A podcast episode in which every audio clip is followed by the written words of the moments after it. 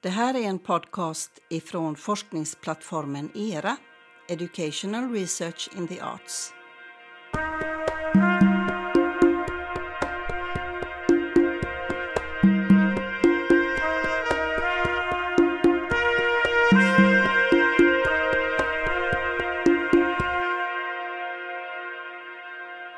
Peter Hasselskog är slöjdlärare och slöjdforskare.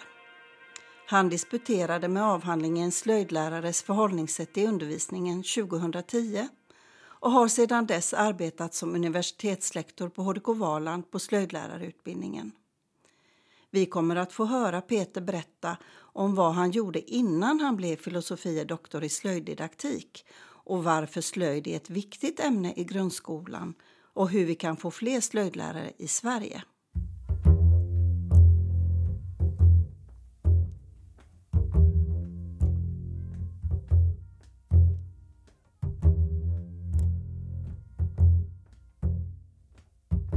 Vad hände i ditt liv som gjorde att du valde att bli just slöjdlärare?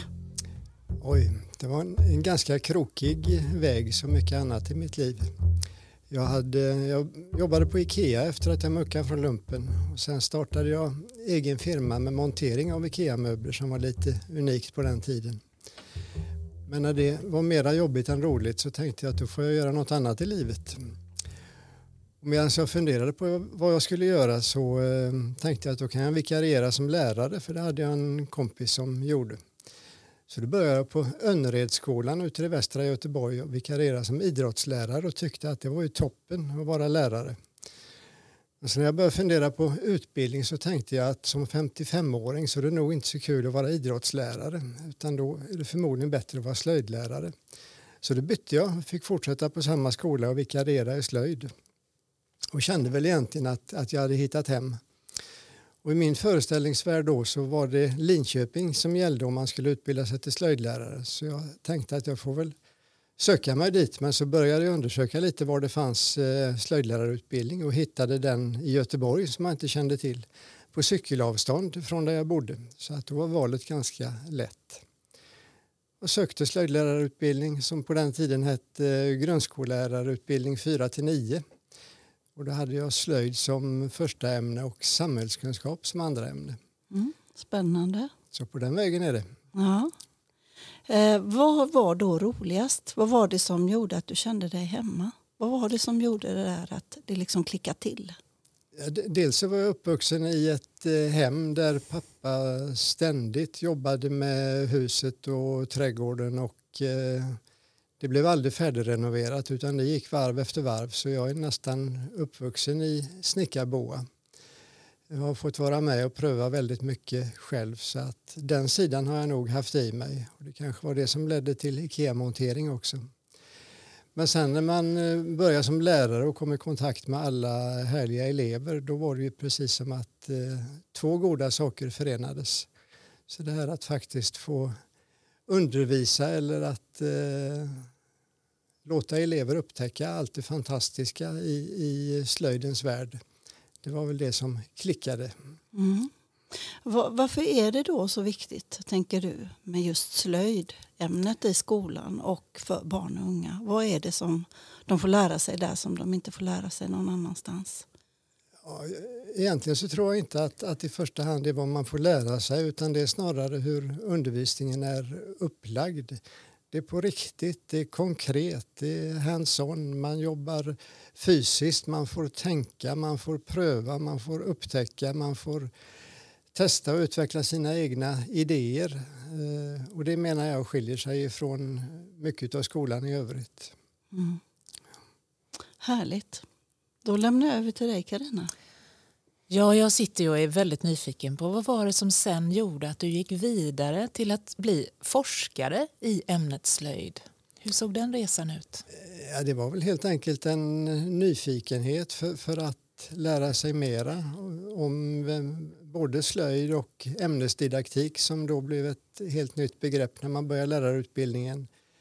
Eh, det fanns inte så väldigt mycket slöjdforskning. Eh, det var viktigt att, att skolans ämnen visa, eh, vilar på vetenskaplig grund och eh, jag var ju man lärde ju känna de få forskare som fanns och blev väldigt intresserad och involverad. Så egentligen så var det väl en egen nyfikenhet som var drivkraften. Du säger de få forskare som fanns. Betyder det att det är ett område där det inte finns så många forskare fortfarande eller hur ser det ut? Ja, eh, det kan man väl säga. Om man jämför med grundskolans övriga ämnen så är nog slöjd ett av de ämnen som är minst beforskat fortfarande. Även om det har hänt väldigt mycket positivt under de åren som jag har varit aktiv. Därmed inte sagt att det är tack vare mig, men under den tiden. Eh, jag har fått höra att du hade välkända handledare eh, i ditt doktorandprojekt. Kan du berätta mer om det? Om, och om dina, din forskning i doktorandprojektet och ditt resultat och sådär? Ja, det, det var ju egentligen en unik chans där, där eh, ett, en grupp etablerade forskare hade ansökt hos Vetenskapsrådet om ett stort slöjdforskningsprojekt. Något liknande hade aldrig gjorts tidigare. Det blev då ett projekt som hette Kommunikation och lärande i slöjdpraktiker, Kom och lärprojektet. Och, eh, forskningsledare där var ehm, Lars Lindström, professor i Stockholm. Han har jobbat mycket med bildämnet men, eh, närmade sig allt mer slöjdämnet också. Och så var det dessutom eh, de två slöjdforskarna, egentligen de två främsta, ända höll jag på att säga, men de två främsta slöjdforskarna Marlene Johansson och eh, Kajsa Borg. Marlene var kollega till mig i Göteborg sedan jag började och Kajsa Borg hade börjat på Linköping men fanns nu i Umeå. Och dessutom så var Vivica Lindberg involverad i projektet också. Kan du säga någonting kort om eh, vad ditt doktorandprojekt handlade om lite mer och vad du hade för resultat i din forskning? Då? Ja, eh, när jag fick möjlighet här att, att formulera ett eget projekt så drevs jag väldigt starkt av vad för typ av forskning som behövs för att bidra till eh, slöjdämnet och slöjdundervisningen i grundskolan. Och Marlene Johansson hade ju tidigare eh, gjort en studie med fokus på eh, eleverna, interaktion mellan elever. Eh, jag ville då sätta fokus på slöjdlärarna istället. Så att eh, det, det kommer ju handla om slöjdlärares förhållningssätt i undervisningen. Men man kan väl säga att utgångspunkt var egentligen min delaktighet i nationella utvärderingen som Skolverket eh, ansvarade för. Eh, där hade ett antal slöjdlärare fått skriva dagbok eh, om sina lektioner i en årskurs 9. Och det var delvis med de dagböckerna som empiri som jag började mitt projekt. Och det, det handlade då om att eh, identifiera olika förhållningssätt hos slöjdlärare. Och det mynnade ut i, i, tre huvudsakliga förhållningssätt men framför allt, eh, vilket jag tror är det mest spridda, fyra olika idealtyper bland slöjdlärare. Serviceman, instruktör, handledare och pedagog. Och eh, det som var så påtagligt och som eh, jag tycker är ett av de mest spännande resultaten är att i princip alla de här drygt 60 lärarna gick ganska klockrent att placera i en av de här fyra idealtyperna. Jag har ju mött eh, hundratals, kanske tusentals slöjdlärare efter min studie och pratat om det här och nästan alla säger spontant att jag varierar medvetet mellan de olika förhållningssätten. Och då brukar jag utmana och säga att men min studie visar att i princip alla lärare var mer eller mindre fast i ett av förhållningssätten. Och ta det som en utmaning att eh, skilja på vad du önskar att du, du är eller gör och hur du faktiskt är. Den utmaningen har många antagit och jag har haft mycket spännande samtal och läst många härliga reflektioner från slöjdlärare utifrån eh, den utmaningen.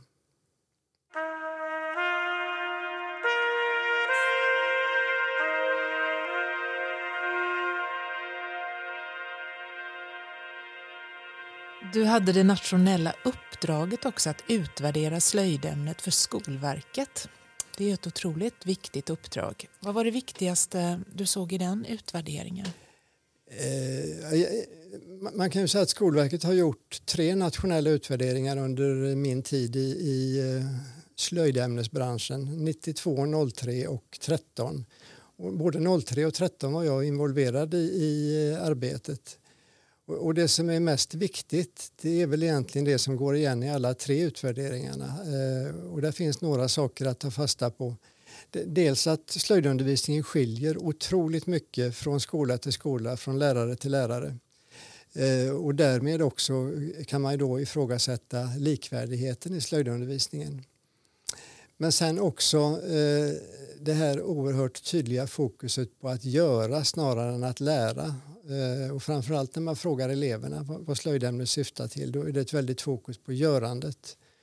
Och eh, det, det, skulle jag vilja säga är en brist att, att vi som slöjdlärare inte har lyckats bättre med att eh, få med eleverna på vad man lär sig genom det här görandet som är utmärkande för slöjdämnet. Alltid har varit och förhoppningsvis alltid ska vara. Men görandet är inte målet utan görandet är ett medel för olika typer av lärande. Mm. Det är väldigt intressant. Um, vad anser du då är slöjdämnets största utmaningar idag? Oj, det är en stor och en bra fråga. Um, om man börjar för tio år sedan så skulle jag vilja säga att, att då fanns det en oro i, i slöjdkretsar att ämnet var hotat för att ämnet inte, inte var viktigt. De vindarna känner jag inte blåser längre och jag är också väldigt glad för, för de här kontakter jag haft med Skolverket när det gäller både nationella utvärderingar och kursplaneskrivande att man, man eh, ser vikten av, av slöjdämnet.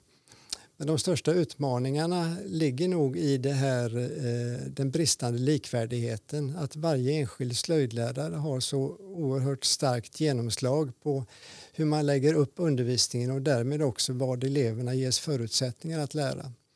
Och det är inte bra för ett obligatoriskt skolämne att, eh, att det är så beroende av vilken enskild lärare en elev möter. Eh, att det avgör vad man får lära sig och vad man inte får lära sig. Så att bristande likvärdighet är en stor utmaning.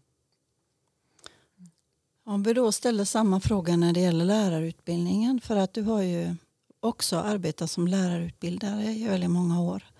Vad ser du eh, är så att säga utmaningar med den lärarutbildningen vi har i slöjd idag i Sverige? Ja, det finns många utmaningar när det gäller lärarutbildningen. Slöjdlärarutbildningen finns ju bara på fyra orter i Sverige och Eh, till att börja med så kan man säga att, att två utbildningsorter utbildar i textilslöjd eller trämetallslöjd där studenterna får välja medan två andra utbildar i slöjdämnet utan materialinriktning. Eh, bara det är ju en underlig situation för ett obligatoriskt skolämne. Men sen handlar det också om att slöjdämnet var ju ganska sent in eh, i den eh, akademiska världen. Eh, och det innebär ju, det, det ligger väl delvis till grund att, att slöjdämnet är sparsamt beforskat. Det finns inte så mycket slöjdforskning. Så att där ligger också en jätteutmaning att bedriva mera forskning och relevant forskning för, för både för, för lärarutbildning indirekt och, och framförallt då för, för slöjdundervisningen i grundskolan. Så att den ska vila mera på vetenskaplig grund. Och sen tror jag också att det finns, ja, nu var frågan lärarutbildning. Ja. Mm. Ja. Då, ähm, jag kan fortsätta där. För ja. att det är ju så att eh, jag vet ju då att du har jobbat oerhört mycket när du varit lärarutbildare med att försöka få till mer slöjdlärarutbildning just för att det är en sån enorm brist på slöjdlärare. Och du har varit mm. väldigt verksam i att, att se till att slöjden har kommit in i korta, kortpedagogiskt program eller kortpedagogisk utbildning. Och vi har också jobbat med validering och så vidare. Vill ja. du fortsätta där och berätta lite mer om det arbetet? Ja, där, där hänger jag gärna på. För, för, jag skulle vilja säga att det är en brist att de sista 10-15 eh, åren så har vägen till att bli slöjdlärare gått via ämneslärarprogrammet huvudsakligen. Och där fick man först välja tre skolämnen varav slöjd var det ena. Numera så är det två ämnen där slöjd är det ena. Jag tror att väldigt många eh, fler skulle attraheras av att läsa till slöjdlärare om man kunde göra det som ettämneslärare. Jag vet att ettämneslärare säger man ofta eh, är inte populärt bland arbetsgivarna för att man kan vara svårplacerad och så vidare. Men hellre en ettämnes slöjdlärare än ingen slöjdlärare alls. Eh, och därmed så tycker jag också att det borde finnas flera vägar till slöjdlärarutbildning än ämneslärarprogrammet.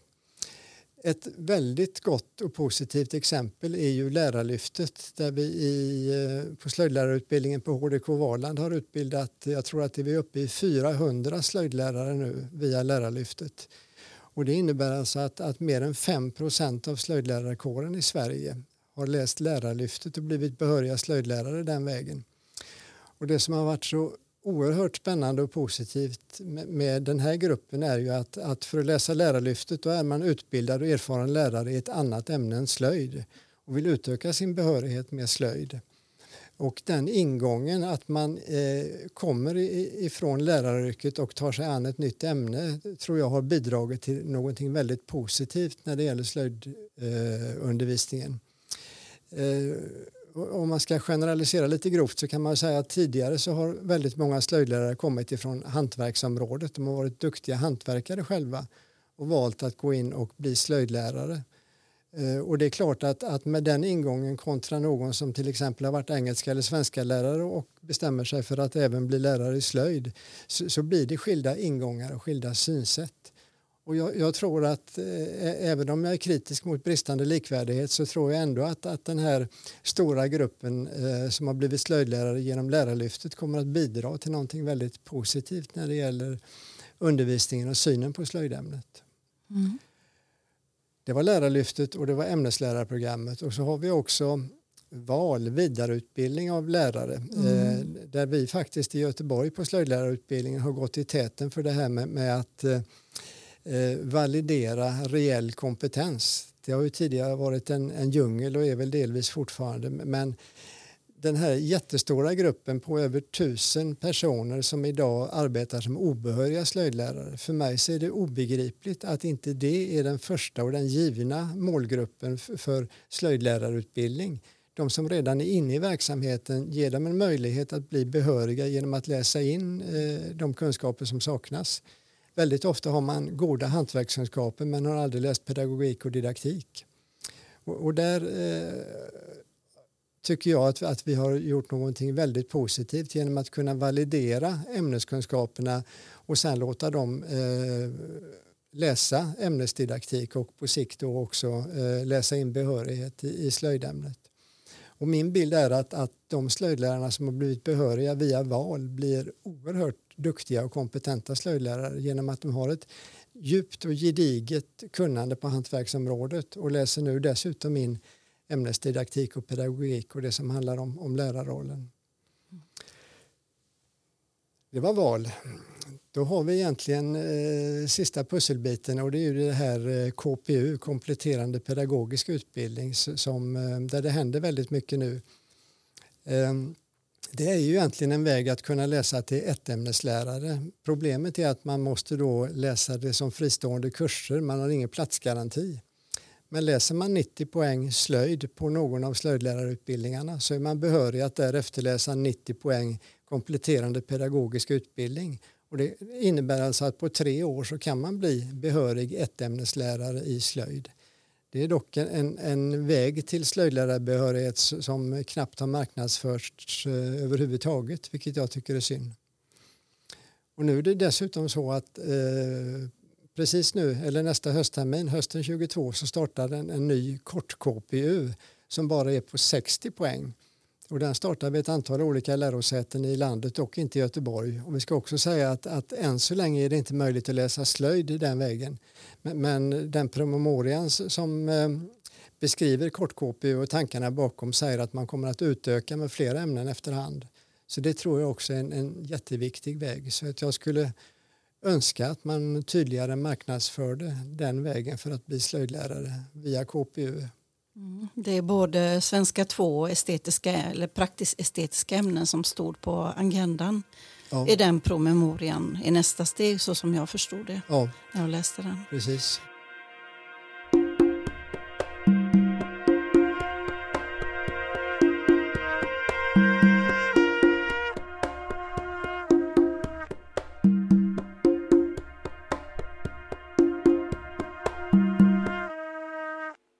Men det som framkommer här när du berättar allt det här Peter är ju det att du har ju betytt oerhört mycket för slöjdlärarutbildningen på GU och varit väldigt innovativ med att hitta nya vägar för eh, olika studenter att bli slöjdlärare. Så att eh, där kan du känna dig stolt tänker jag. Men sen vet jag att du har varit också innovativ på andra sätt. För att du har också varit med och startat en slöjdlärarportal. Ja. Som också sprider forskning ja. och kunskap om slöjd till slöjdlärare i landet. Det, är, eller det var en oerhört stor glädje och är idag en väldigt stor sorg att den inte längre finns kvar. Eh, där är jag lite eh, förgrymmad över att eh, vår arbetsgivare, GU överst och fakultet och institution inte tar större ansvar för den här uppgiften som ligger på universitetet som tidigare hette tredje uppgiften att, att sprida resultat eh, av forskning och att ha kontakt med omgivande samhället. Eh, egentligen så kan man säga att, att, genom att bedriva forskning så är inte mycket vunnet om inte forskningsresultaten kommer verksamheten till godo. Och där var ju slöjdlärarportalen en, en eh, oerhört eh, spännande och eh, positiv kraft där vi varje vecka publicerade en eh, artikel, ofta baserat på, eh, någon studie till exempel som vände sig direkt till slöjdlärare. Och här handlade det om att på ett populärvetenskapligt sätt eh, beskriva hur man som slöjdlärare konkret kunde utnyttja den forskning som har bedrivits.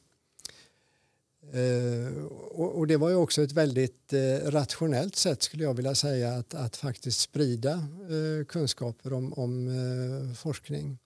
Vi hade också mycket texter när, när det kom nya reviderade styrdokument, nytt kommentarmaterial och, och liknande.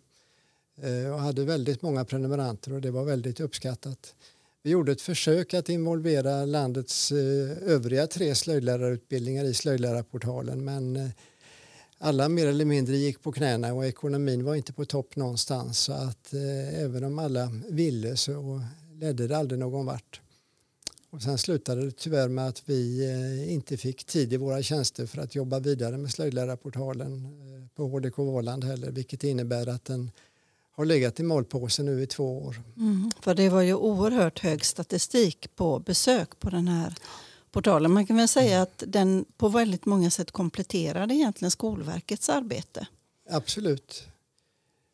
Nej, den, den, eh, ja, det fanns bara fördelar precis som du säger att det var väldigt många läsare eller prenumeranter och eh, den utgjorde också en eh, källa via, via, sina länkar och sina dokument både för verksamma slöjdlärare och slöjdlärarstudenter när de skulle skriva examensarbeten och så vidare. Mm. Så att där skulle jag verkligen önska att eh, slöjdlärarportalen, gärna i kombination med en musik och bildlärarportal, eh, fick komma tillbaka och faktiskt vara en, en eh, ett ansikte utåt, en, en, kontaktväg mellan forskare och verksamheten. Mm. Och där får jag hoppas att Skolverket hör det här och slår en liten pling till dig kanske.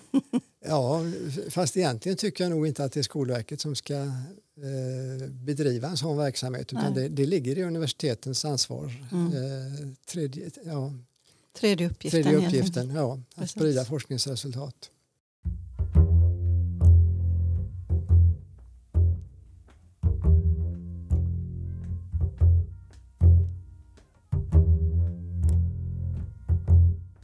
Ja, nu har Karina några nyfikna frågor när det gäller de praktisk-estetiska ämnena här. Ja, Eh, Eh, slöjdämnet eh, kategoriseras ju ofta som ett praktiskt-estetiskt ämne eller som bara ett estetiskt ämne eller som bara ett praktiskt ämne och det där kan vi ju tala länge om, eh, bara det. Men jag undrar lite granna om du ser på slöjdämnet i relation till de andra estetiska ämnena i skolan och i relation till forskning om andra estetiska skolämnen. Hur, hur, hur ser du på slöjdämnet då? I relation till bild, musik, dans, drama, teater?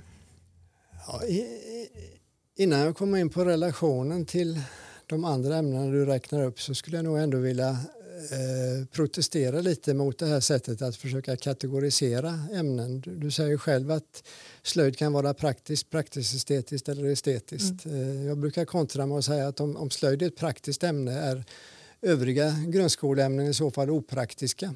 Jag kan bara säga att jag håller helt med dig. Jag, jag, ja. Eh, opraktiska brukar man ju inte använda men däremot så eh, pratar man ju fortfarande om teoretiska kontra praktisk-estetiska ämnen och jag tycker mm. det är en, en fullständigt idiotisk och omöjlig uppdelning. Alla ämnen innehåller både praktiska och teoretiska dimensioner. Eh, ett dumt men konkret exempel är ju att, att slöjd helt utan teori skulle innebära att man tar ett stämjärn och fäktar vilt omkring sig. Men när man vet hur och till vad man ska använda ett stämjärn då är det som det står i kursplanen manuellt och intellektuellt arbete i förening. Och det ingår i olika utsträckning i, i alla grundskolans ämnen.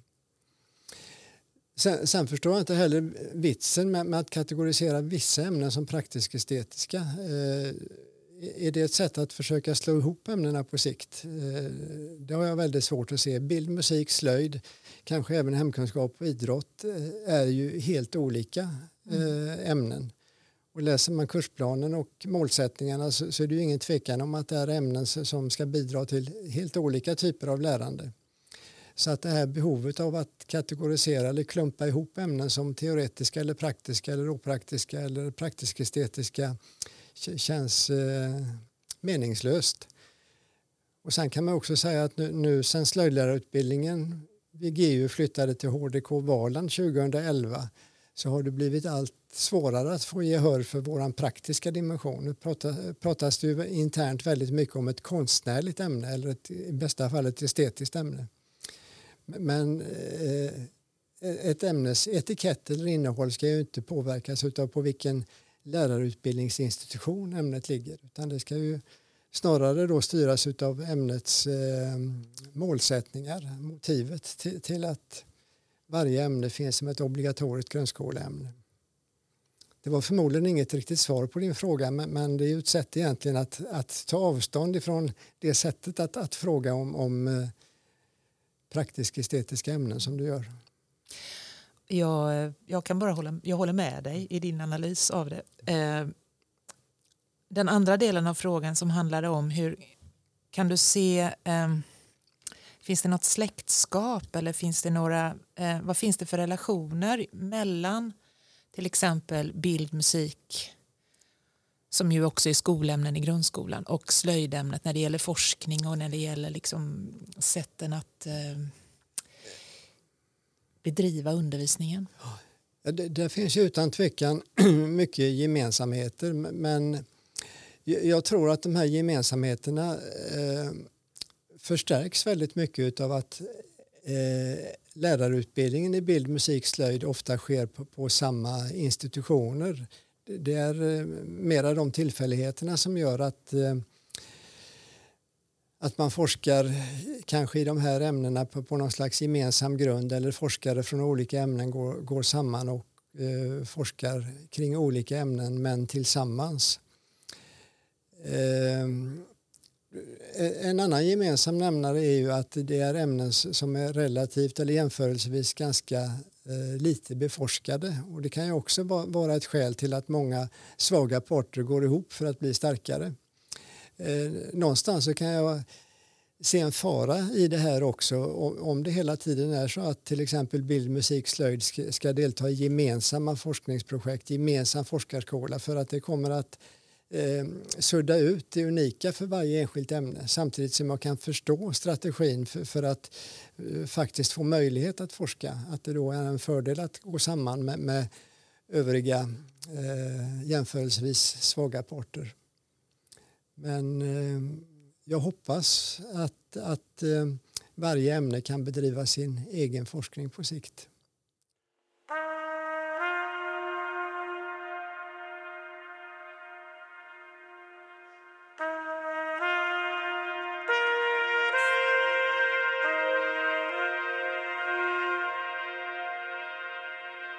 Slutligen då, vad slöjdar du på själv när du får tid? Vad Oj. har du för projekt? ja, det, jag är nog ganska bred när det gäller det. Det sista jag gjorde nu det var jag har ett eh, nyfunnet jaktintresse så nu har jag gjort inskjutningsbänkar. Det var väl egentligen det sista jag stod med i verkstaden. Annars är det väldigt mycket trädgård och odling och eh, lite byggen för, för, sånt som har med, med trädgård att göra. Eh, nu kommer jag snart att gå i pension och då har jag en eh, gammal hederlig Solbergasvarv som står och väntar på mig i garaget hemma som jag hoppas att kunna få jobba mycket med också. Men egentligen så, så eh, handlar det kanske inte så mycket om vad jag slöjdar med, vad jag slöjdar utan det här att hela tiden ha något kommande projekt i huvudet och gå och, gå och fundera på olika lösningar och hur kan man lösa det och så är man plötsligt, eh, nu sist när jag gick förbi containern på jobbet här, man håller på att renovera, så hittade jag på Bordsundereden och direkt så kunde man se eh, en användning för dem framöver. Så att, eh, det, är lika mycket det här ställtid som, vad hette hon, Bodil? Malmsten. Va? Malmsten, ja. Mm. Det, det uttrycket det, det, har jag haft nära mig ända sedan jag hörde det första gången. Det här att faktiskt gå grunna och hitta lösningar och eh, inte se problem utan eh, hitta lösningar. Samlar du på saker och har ett stort förråd? Eller är det...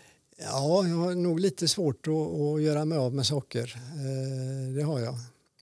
Och samtidigt så är det en enorm känsla den dagen man behöver eh, och fixa något och veta att om jag går ut i garaget och tittar i den lådan så har jag den lilla delen som fattas.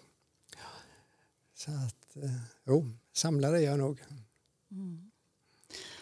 Ja, jag passar på då eh, och allas våra vägnar att tacka dig för ett långt, lång och trogen tjänst så att säga inom lärarutbildningen. Och tack så mycket för den här jätteintressanta och spännande intervjun med dig och att du så frikostigt har delat med dig av dina tankar till oss om slöjd som vi hoppas eh, och eh, fortsätter kommer att vara ett ämne inom ERA på alla möjliga sätt och som vi kommer att lyfta fram. Så tack så jättemycket Peter. Tack själva. Tack så mycket. Och vi som sänder och förestår den här poddserien är Karina Borgström Kjellén som är min kollega, lektor på HSM, Högskolan för scen och musik. Och jag heter Tarja Karlsson Heikki och jobbar på HDK Valand.